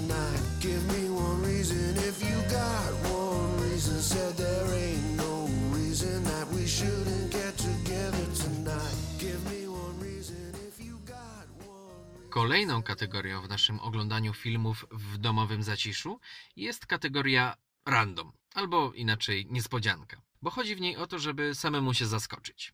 Włączamy którąś z platform, patrzymy na miniaturkę, na tytuł, na opis i wybieramy losowy film. Najlepiej, żeby nam się z niczym nie kojarzył. Ja wybrałem HBO Go i, i no właśnie, HBO Go właśnie pasuje do tej kategorii, bo włączamy jakiś film. Przy Netflixie posługujemy się pewnym kluczem zawsze przy wy- wyborze filmów, no bo tam biblioteka jest duża i po prostu trzeba wybrać, a tutaj w HBO Go mają no kilka filmów w porównaniu z Netflixem, to jest naprawdę kilka, więc po prostu je przeglądamy. Ja bardzo starałem się, żeby podział na Netflixa i HBO Go był równy, ale niestety na sześć kategorii tylko dwa filmy obejrzałem właśnie na HBO Go. I to jest właśnie wina uboższej biblioteki. I nie jestem pewien, czy sytuacja się poprawi w przyszłości, bo HBO zapowiedziało, że zamiast poszerzyć swoje Go, zainwestuje w HBO Max, w którym będzie oferowało dużo, dużo więcej własnych tytułów, ale za to za większą kwotę abonamentu. Co z tego wyniknie? Zobaczymy w maju. Chyba. To też zobaczymy. Tymczasem wracam do kategorii niespodzianka. Ja randomowo wybrałem HBO Go i rzucił mi się w oczy tytuł Nieoczekiwana zmiana miejsc. Film pojawił się dosyć niedawno na platformie, więc uznałem, że no z jakiegoś powodu tam trafił. Może jest dobry.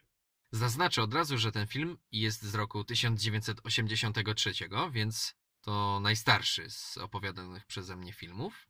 I jest to komedia. I gra w niej innymi Eddie Murphy. Więc już wiadomo, z jaką komedią mamy do czynienia. U jego boku gra Dan Aykroyd, znany m.in. z Pogromców Duchów. Film Nieoczekiwana zmiana miejsc to nic innego jak kolejna historia typu Książę i Żebrak.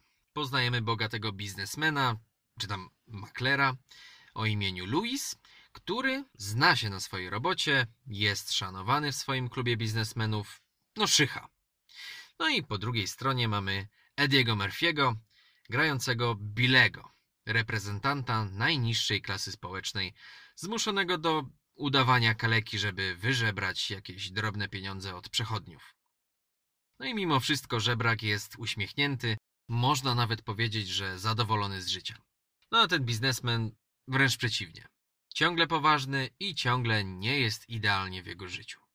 Totalnie klasyczna historia. Najciekawszą kwestią pozostaje to, jak te dwie postaci zamienią się miejscami. Czy to będzie tak, że biznesmen zapłaci biedakowi, żeby zajął jego miejsce na jakiś czas, bo chce poczuć pełnię życia? No właśnie nie. Historia nie jest tak sztampowa, jakby się zapowiadało. Otóż wspomniany przeze mnie klub biznesmenów jest prowadzony przez dwóch okropnie bogatych braci, potentantów finansowych. Ich ulubionym zajęciem są rozmowy na tematy społeczne. Jeden z nich uważa, że największy wpływ na człowieka mają geny, a drugi na to, że to otoczenie najbardziej kształtuje ludzi.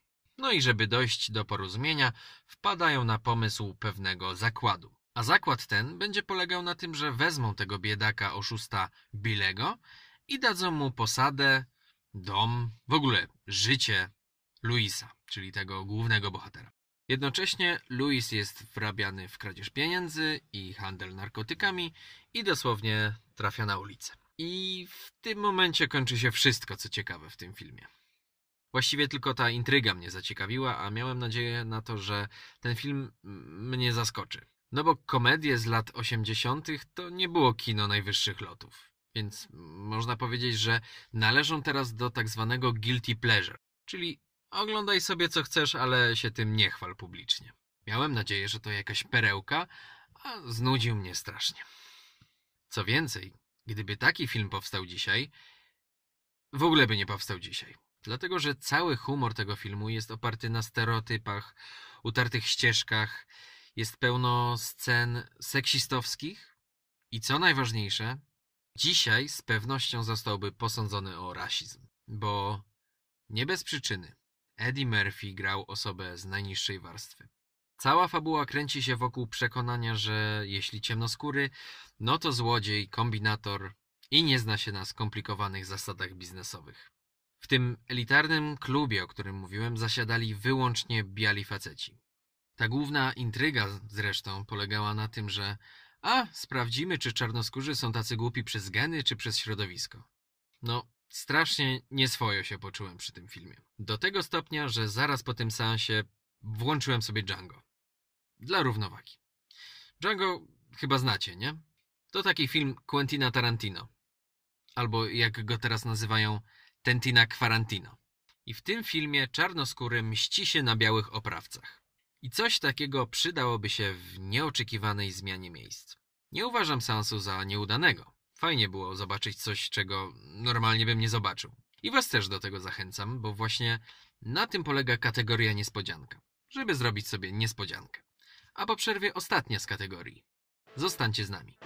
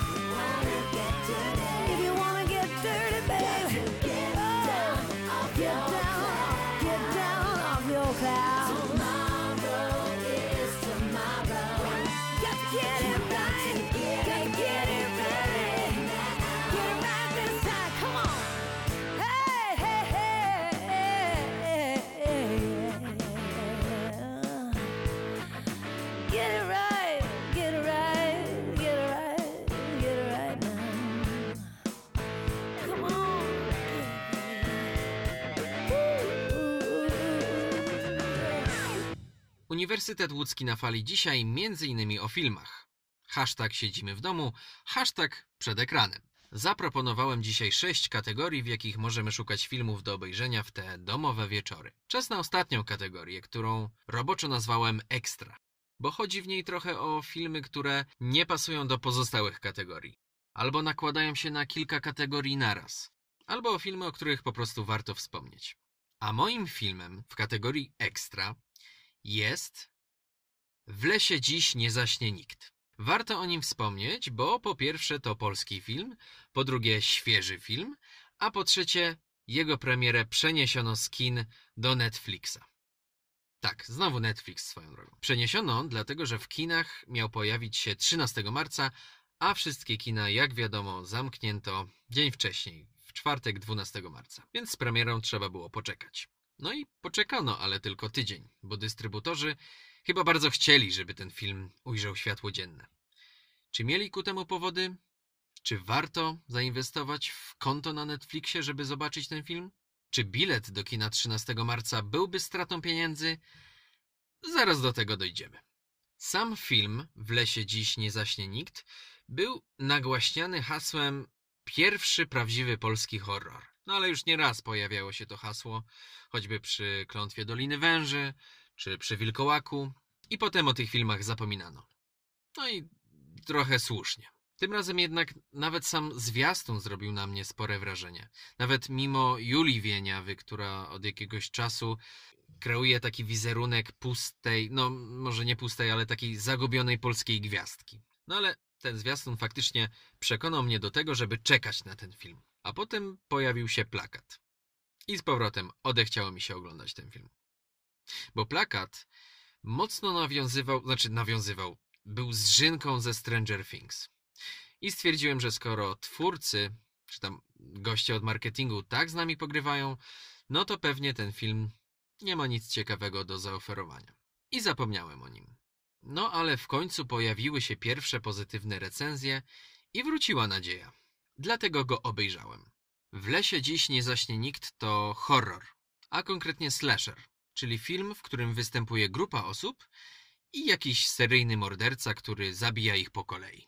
I to nie jest pomysł na jeden konkretny film, to jest konwencja, gatunek, więc tak musi być. Podkreślam to, żeby nie było komentarzy, że o, Polacy ściągają z Ameryki. No trochę ściągają, ale chodzi o trzymanie się norm. A więc jak wygląda slasher w Polsce? W naszym filmie mamy obóz dla nastolatków, którzy mają problemy z... no są uzależnieni od telefonu, komputera, konsoli i dlatego trafiają na odwyk do lasu. Tam tracą dostęp do jakichkolwiek technologii i dzielą się na grupy. Mniej więcej pięcioosobowe. Każda grupa oczywiście ma dorosłego opiekuna i takie grupki idą sobie w dzicz na kilka dni. Wystarczy tylko dodać jakiegoś zabójcę i mamy typowy slasher. Dla mnie pomysł na fabułę jest bardzo dobry. Jest trafiony i możliwe do wydarzenia się w rzeczywistości. Czemu nie? Wykonanie tego pomysłu, uwaga, też jest niezłe. Aktorzy dają wrażenie autentyczności. Nawet ci młodsi, jak Julia Wieniawa czy Wiktoria Gąsiewska, czyli ta druga z rodzinki.pl. Ale też starsi aktorzy, Gabriela Muskała, Olaf Lubaszenko, Wojciech Mecwaldowski, zachowują się tak, jakby reżyser im powiedział słuchajcie, macie grupkę dzieciaków, zróbcie im obóz. No i tym aktorom chyba autentycznie się nie chce. Jeśli chodzi o same postaci, to teoretycznie mają takie uwypuklone, widoczne cechy, bo sam gatunek tego wymaga. Oczywiście można powiedzieć, że są przerysowane, ale w taki polski sposób. Ja tu widzę typowych uczniów liceum. A może sam już jestem stary. W każdym razie reżyser Bartosz Kowalski, możecie go znać y, z Placu Zabaw choćby, nie sili się na to, żeby amerykański film przetłumaczyć na język polski, tylko bierze formę z oceanu i wypełnia ją typowo polskim sernikiem. No bo tu wszystko jest polskie. Sceneria, relacje między nastolatkami, ich dialogi. Właśnie, rzadko zdarza się, żeby dialogi młodych osób w filmie były tak świeże. Zwykle są to jakieś teksty stylizowane na slang młodzieżowy. A tutaj autentyzm. I to jest chyba słowo, które najlepiej opisuje w lesie dziś nie zaśnie nikt. A autentyzmu teraz bardzo brakuje we współczesnych filmach, zwłaszcza w takich, które chcą być straszne. No właśnie, czy ten nasz polski horror jest w ogóle straszny? Tak, bywa straszny. Ale muzyka podpowiada, że nie, żeby się nie bać.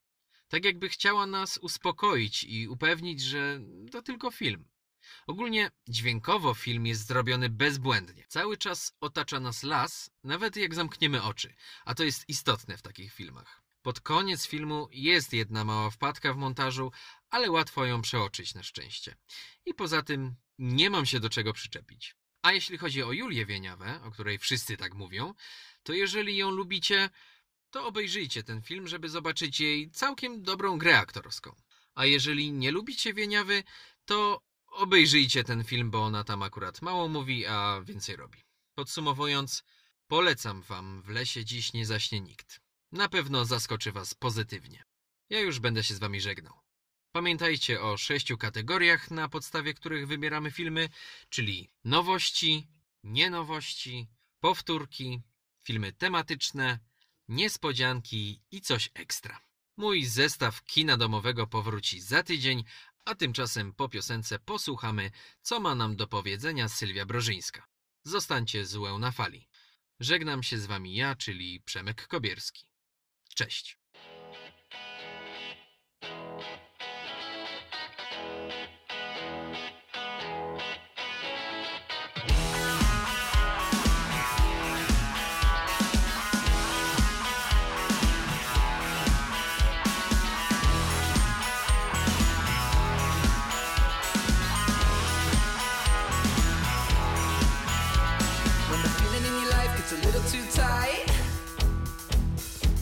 Everything's cool, yeah, everything's right. And the room starts spinning and it won't slow down. And your lips are moving, but they can't make sound.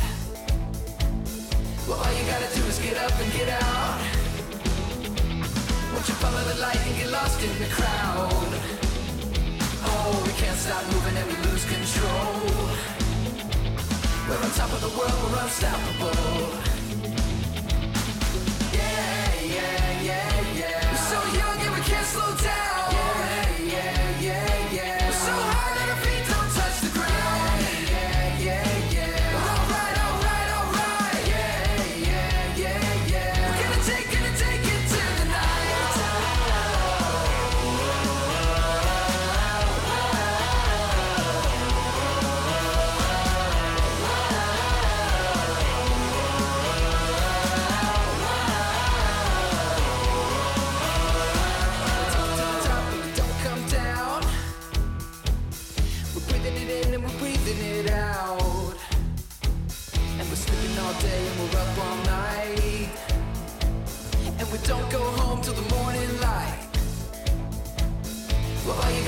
Get up and get out. Won't you follow the light and get lost in the crowd? Oh, we can't stop moving and we lose control. We're on top of the world, we're unstoppable. Yeah, yeah, yeah, yeah. We're so young and we can't slow down.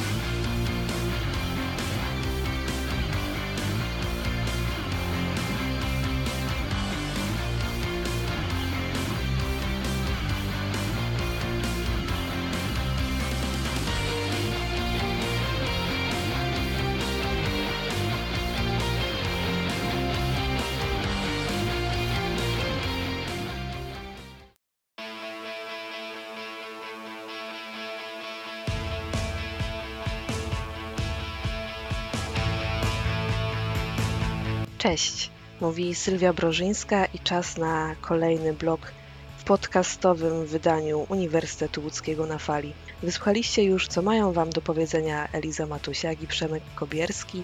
Ja przygotowałam dla Was coś jeszcze innego. Porozmawiamy trochę o malarstwie, a trochę o sylwetce jednego z najbardziej znanych polskich malarzy XX wieku. Będzie nim Zdzisław Beksiński, ale będzie też bardzo muzycznie, bo po pierwsze muzyką jestem, a po drugie Uniwersytet Łódzki udostępnił nam świetną bazę dźwięków, więc więcej czasu niż na napisanie tej audycji spędziłam na przekopywaniu się przez nią.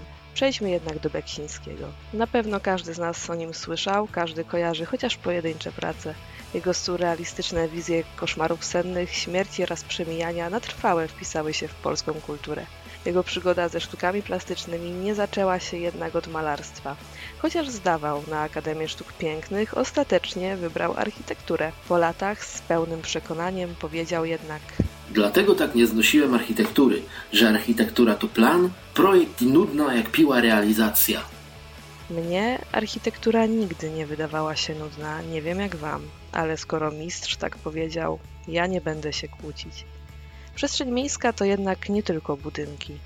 Zastanawialiście się kiedyś nad tym, jak wygląda krajobraz dzięki pojazdom? Na niego też, po części, miał wpływ właśnie Beksiński. Jak? Między 1959 a 1970 rokiem pracował w Autosanie jako tak zwany plastyk, czyli osoba odpowiedzialna za projektowanie autobusów. Większość jego projektów po stworzeniu prototypów nie weszła do produkcji. Pracował na pół etatu po kilka godzin dziennie, a pozostały czas poświęcał na działalność artystyczną. Nie chcę mówić, że gdyby tego czasu poświęcał więcej, może byłby jeszcze lepszy, ale aż strach pomyśleć, co byłoby gdyby. Z tą myślą pozostawię Was na moment.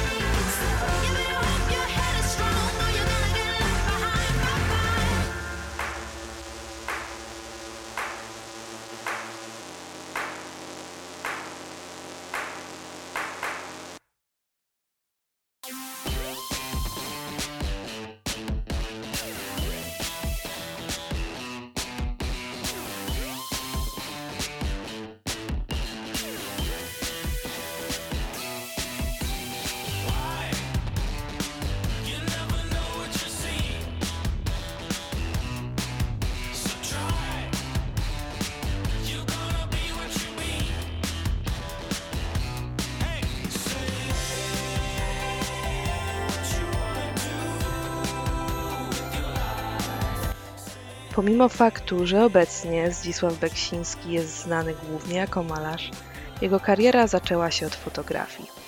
Formalnie należał nawet do Polskiego Towarzystwa Fotograficznego, a później dołączył też do Związku Polskich Artystów Fotografików. Jego zdjęcia oglądać można w Muzeum Historycznym w Sanoku, także na ich stronie internetowej, do czego serdecznie Was zachęcam, szczególnie teraz, kiedy jak najwięcej czasu powinniśmy spędzać w domu. Choć fotografowałem dużo, nie miało to charakteru twórczości. Fotografowałem kolegów, sytuacje jakie się zdarzały, czołgi z żołnierzami, nawet lotniska. Już w tych wczesnych pracach Beksińskiego ujawnił się indywidualny i oryginalny sposób percepcji rzeczywistości. Muzeum posiada bogaty zbiór jego fotografii artystycznej i dokumentalnej oraz tysiące negatywów. Są tak wyjątkowe, ponieważ z części z nich nigdy nie powstały odbitki.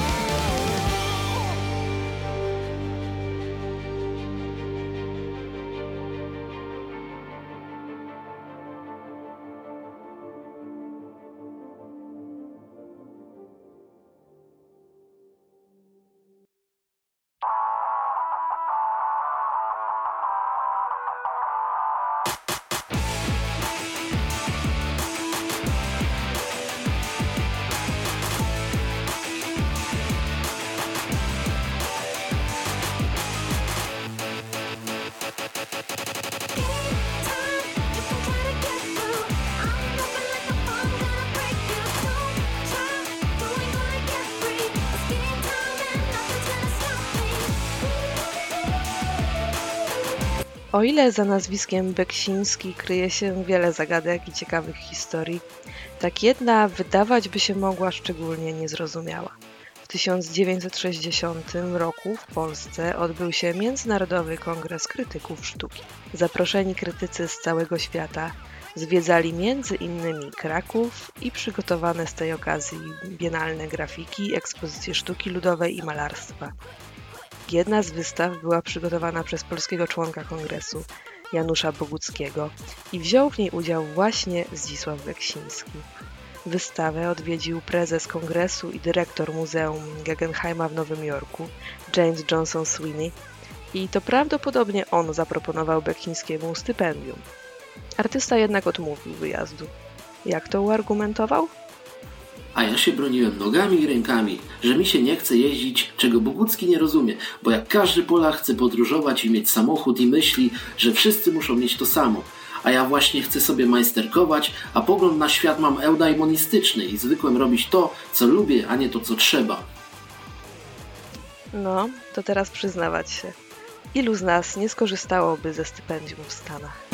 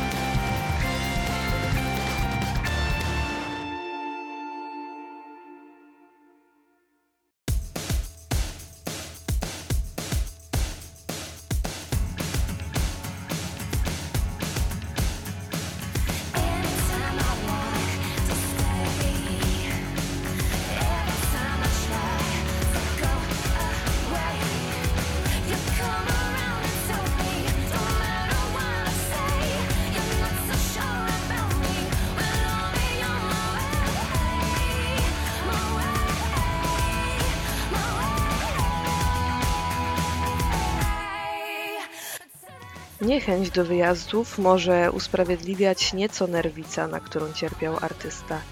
Nerwice zmieniały się na przestrzeni lat, ale jedna pozostawała stała. Moje życie zdominowane jest przez nerwicową sraczkę i tyle. Stąd niechęć do podróży, a już obojętne pozostaje, czy podróż dotyczy wywózki na Syberię, czy wycieczki jachtem dookoła świata. Wszystko, co odrywa mnie od bazy, naraża mnie na swoiście uwarunkowane napięcie nerwowe. Z tego względu Beksiński starał się unikać jak najbardziej zmian, podróży, niezapowiedzianych wizyt czy nieoczekiwanych wydarzeń. Żeby zapobiec nerwicy, odpłyńmy na moment w pozytywnie nastrajającą muzykę.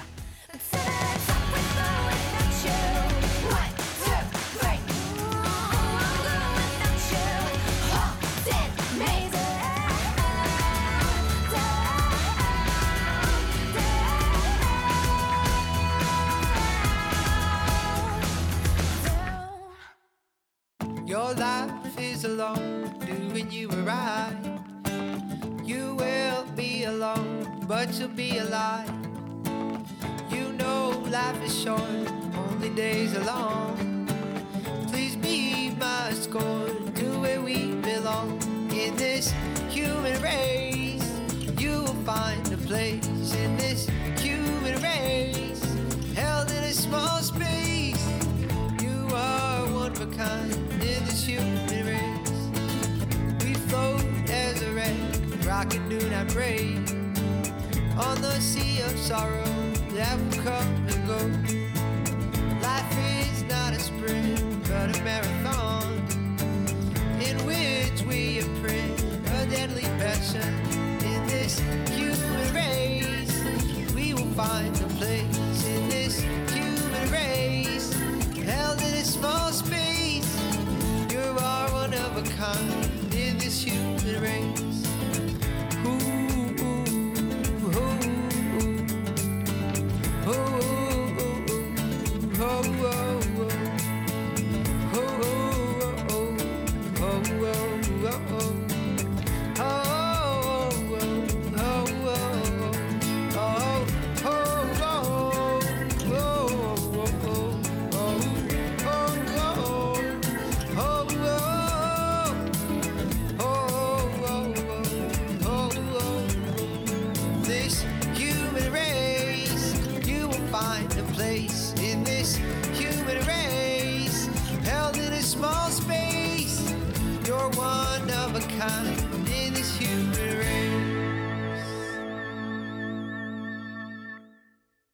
Lost among a million cars, along an avenue of stars.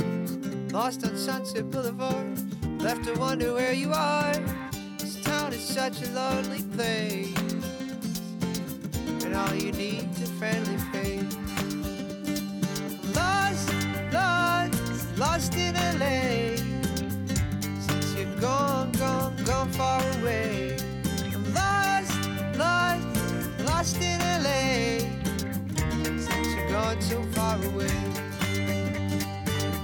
Down the avenue, this billboard said the magic view. Sunny island paradise, exotic places, distant light the ever shining sun above. A tired soul deprived of love. Lost, lost, lost in LA. Since you've gone, gone, gone far away. Lost, lost, lost in LA guns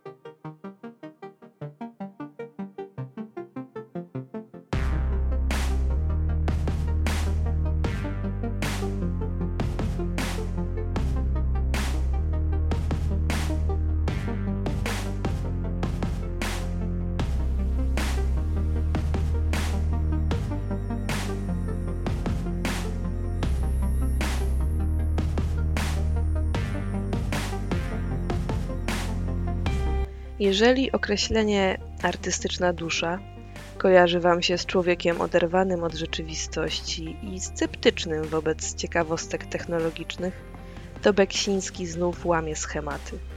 Jego zainteresowanie komputerami zaczęło się już w 1986 od wersji Mini Casio. Potem kupował każdą nowość wchodzącą na rynek, a starsze egzemplarze rozdawał rodzinie i znajomym. W Polsce posiadał najnowocześniejszy sprzęt, a jego wiedza była wtedy równa wiedzy wykwalifikowanych informatyków. Jego hobby przełożyło się na efekty artystyczne. Eksperymentował i tworzył, wykorzystując nowe technologie. Zaczynał od techniki kserokopiarkowej i jak sam ją opisywał. Pewne narysowane rzeczy odbijałem na kserokopiarce. Potem na odbitce niektóre fragmenty zamalowywałem na biało lub czarno i odbijałem powtórnie i tak dalej. Z czasem 30 odbitek doprowadzało do tej 31, która była odbitką ostatnią. To pozwalało na robienie pewnych wariantów. Na przykład były postacie, które miały jakieś wspólne elementy, ale reszta była inna. Powstał cały cykl postaci siedzących i rozmawiających. Przypomnijmy, że Beksiński był prekursorem tego typu eksperymentów.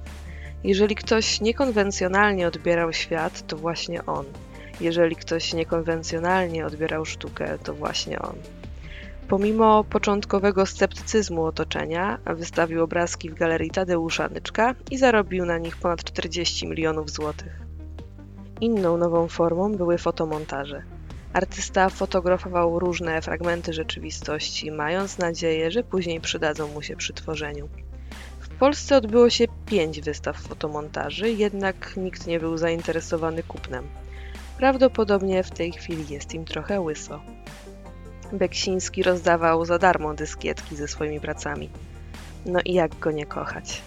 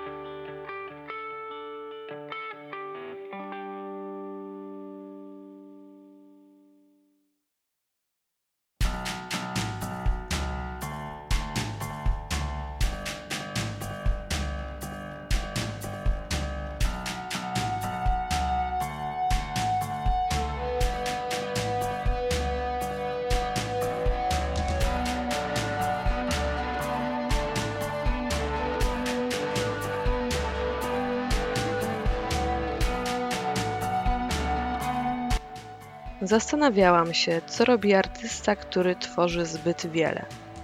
Beksiński był bardzo płodnym artystą, zwykle tworzył kilkadziesiąt dzieł rocznie. Większość z nich sprzedawał albo usiłował sprzedać. Ewentualnie rozdawał rodzinie i znajomym. Jednak niektóre z nich zostawiał dla siebie, wieszając je na ścianach swojego mieszkania bądź mieszkania swojego syna Tomasza. Tę swoistą, prywatną kolekcję swoich obrazów nazywał zwierzęta domowe. W tym miejscu tak tylko przypomnę, że zwierzęta nie zagrażają zarażeniu koronawirusem, więc jeżeli jeszcze tego nie robicie, to przytulcie swojego czworonoga. Albo bez noga, albo jeszcze innego noga. Prawdopodobnie jedyne wystawy swoich prac, które oglądał Beksiński, to właśnie zwierzęta domowe. Artysta nie uczestniczył w swoich wernisażach. Na pytania o to miał oczywiście, jak na wszystko, stanowczą odpowiedź. Setki, jeśli nie tysiące razy podkreślałem, że na otwarciach własnych i niewłasnych wystaw nie bywam, bo jest to dla mnie potworny stres. Nie trawię takich sytuacji. Jak na osobę, która stanowczo przedstawia swoje przemyślenia, nie miał większego problemu z udzielaniem wywiadów. Prawie każdego roku udzielał co najmniej jednego.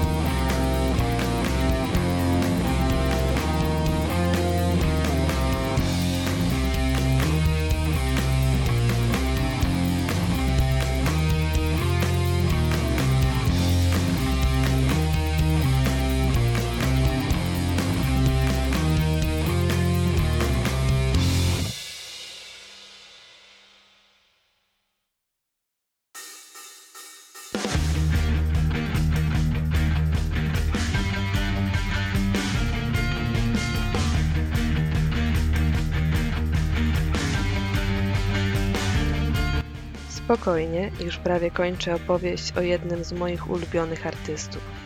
Dlaczego ulubionych? Nigdy nie potrafię odpowiedzieć na to pytanie. Chyba dlatego, że mogłabym spędzić nad jego sztuką i życiorysem nieskończone ilości godzin, a tak naprawdę nigdy go nie zrozumiem.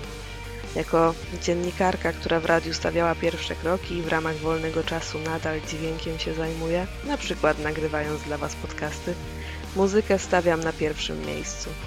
Muzyka ważna była też dla naszego dzisiejszego głównego bohatera. Pracownia Beksińskiego zawsze była wyposażona w system nagłaśniający. Muzyki Beksiński lubił słuchać głośno, a nawet bardzo głośno.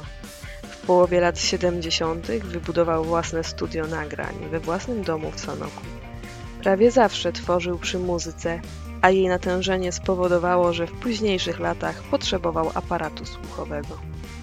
Malując przy muzyce pop, wykonuje ruchy tułowiem, utrudniające mi oczywiście pracę, a więc z pozoru bezsensowne. Tym niemniej wyłączenie nagłośnienia wywołuje uczucie braku czegoś, bez czego nie można pracować.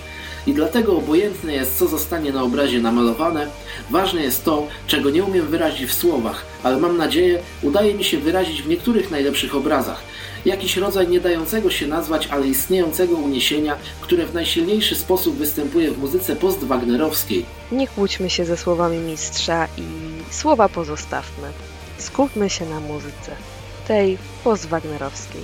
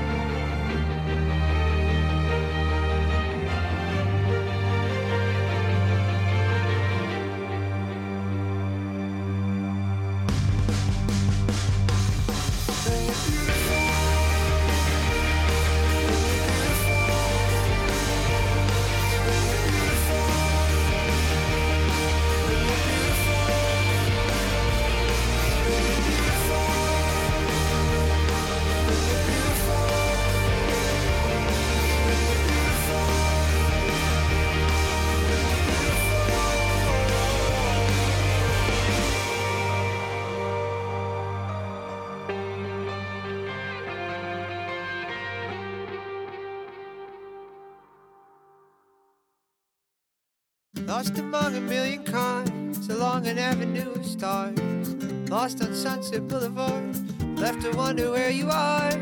This town is such a lonely place, and all you need a friendly face. Lost, lost, lost in LA. Since you're gone, gone, gone far away. Lost, lost, lost in LA since you're gone so far away. Walking down the avenue, magic view. Sunny island paradise, exotic places, distant light, the ever shining sun above. A tired soul deprived of love. Lost, lost, lost in LA. Since you've gone, gone, gone far away. Lost, lost, lost in LA. Since you've gone so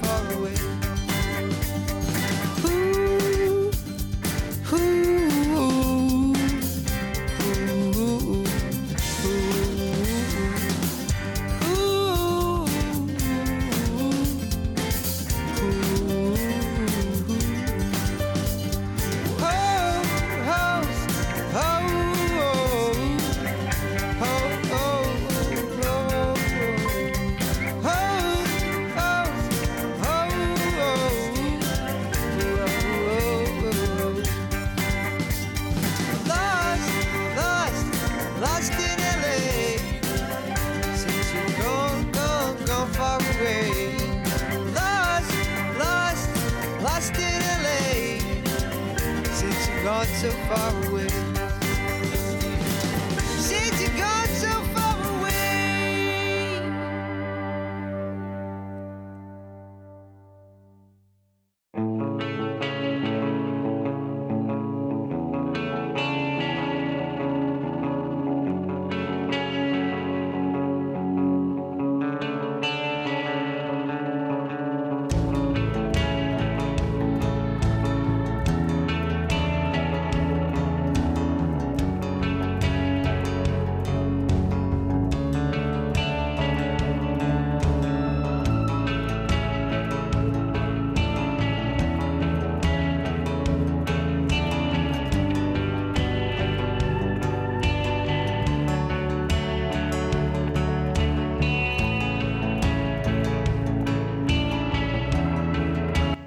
Mi się dla Was mówiło, miło mi się wspominało Beksińskiego. Mam nadzieję, że dowiedzieliście się czegoś nowego, a nawet jeśli nie, to że chociaż trochę umiliłam Wam ten szalony, epidemiczny czas. Chociaż audycje Uniwersytetu Łódzkiego na fali zostały zawieszone, tak my nie zamierzamy zawieszać naszej działalności. Elizy, Przemka i mnie mogliście posłuchać dzisiaj. Kolejni prezenterzy z naszej małej, ale zgranej grupy szykują już dla Was materiały na czwartek. My również jeszcze do Was wrócimy, bo pomysłów nie brakuje. Na zakończenie mam dla Was jeszcze trochę muzyki. Trzymajcie się zdrowo, optymistycznie, kreatywnie i pamiętajcie, nie wychodźcie z domów, jeśli nie musicie.